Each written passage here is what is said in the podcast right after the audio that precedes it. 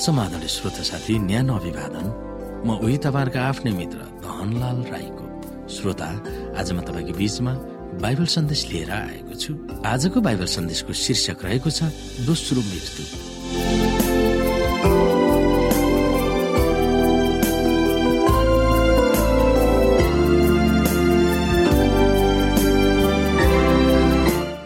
श्रोता मानव इतिहासको अन्त्यको चरम बिन्दुमा पुर्याउन परमेश्वरले अगुवाई गरिरहनु भएको छ।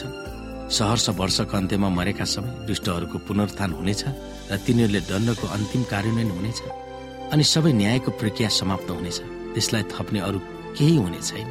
परमेश्वर न्याय हुनुहुन्छ भनेर दुष्टहरूले पनि स्वीकार्नु बाध्य हुनेछ। परमेश्वर र शैतानको बीचमा भइरहेको महान प्रतिद्वन्दका विषयवस्तुहरू अब सबै जगत ब्रह्माण्डले खुल्ला रूपले हेर्न पाउनेछ। अनि जगत ब्रह्माण्डका जीवहरू वफादारी र विद्रोही स्वर्गदूत र मानिसहरूले एकै स्वरमा यो घोषणा गर्नेछन् हे सन्तहरूका महाराजा तपाईँका मार्गहरू न्याय र सत्य छन्। र शैतान आफै पनि परमेश्वरको न्याय र उसप्रति गरेको फैसलाप्रति शिर निहुर्याएर आफ्नो कुकृत्यलाई स्वीकार गर्नेछ आगोका तलाप र दोस्रो मृत्यु कतिको प्रभावकारी हुनेछ भनेर हामी विभिन्न पदहरू हेर्न सक्छौँ र विभिन्न बाइबलका पदहरूले यसलाई खुलासा गरेको छ। आउनु श्रोता हामी मलाकीको पुस्तकलाई हेरौँ। हेर त्यो दिन आउँदैछ। त्यो भट्टी चाहिँ धन्कने छ। सबै हटी र सबै दुष्ट काम गर्नेहरू ठुटा झै हुनेछन् र त्यो आउने दिनले उनीहरूलाई आगोमा भस्म गर्नेछ सर्वशक्तिमान परमप्रभु भन्नुहुन्छ। त्यसले उनीहरूको एउटै जरा र एउटै हाँगा पनि छोड्ने छैन। मृत्यु र पाताल अग्निकुण्डमा फालिए। यो अग्निकुण्ड दोस्रो मृत्यु हो जसको नाउँ जीवनको पुस्तकमा लेखिएको भेटाइएन। त्यो अग्निकुण्डमा फालियो।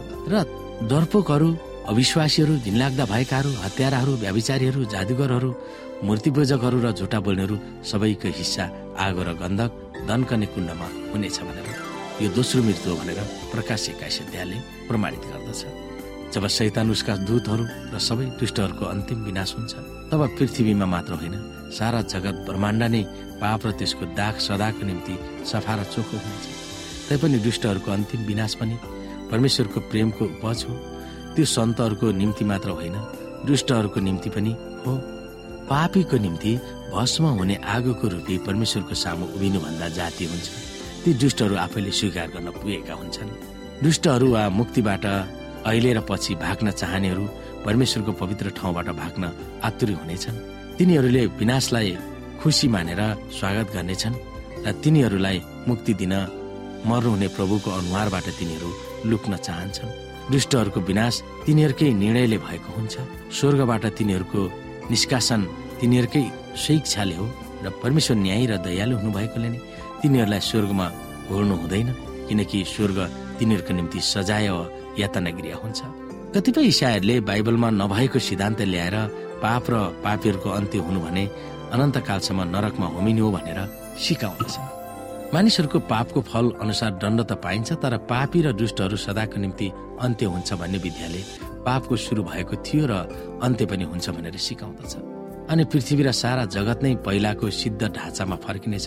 सुरुमा नै पाप दुष्टता र अवज्ञा रहस्यमय तरिकामा उब्जिएको थियो र त्यसको कुनै यथोचित कारण थिएन। परमेश्वरको स्थिति प्रशंसा होस्। उहाँ हाम्रो धर्मी न्यायकर्ता हुनुहुन्छ। उहाँले धर्मीहरूलाई अमर जीवन दिएर दुष्टहरूलाई नाश गरेर उचित न्याय गर्नुहुनेछ।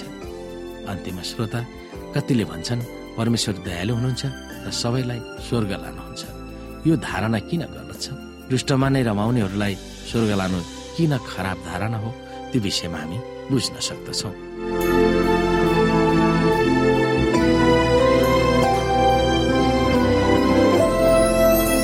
श्रोता साथी आजको लागि बाइबल सन्देश यति नै। हस्त नमस्ते। जय मसिंह। oh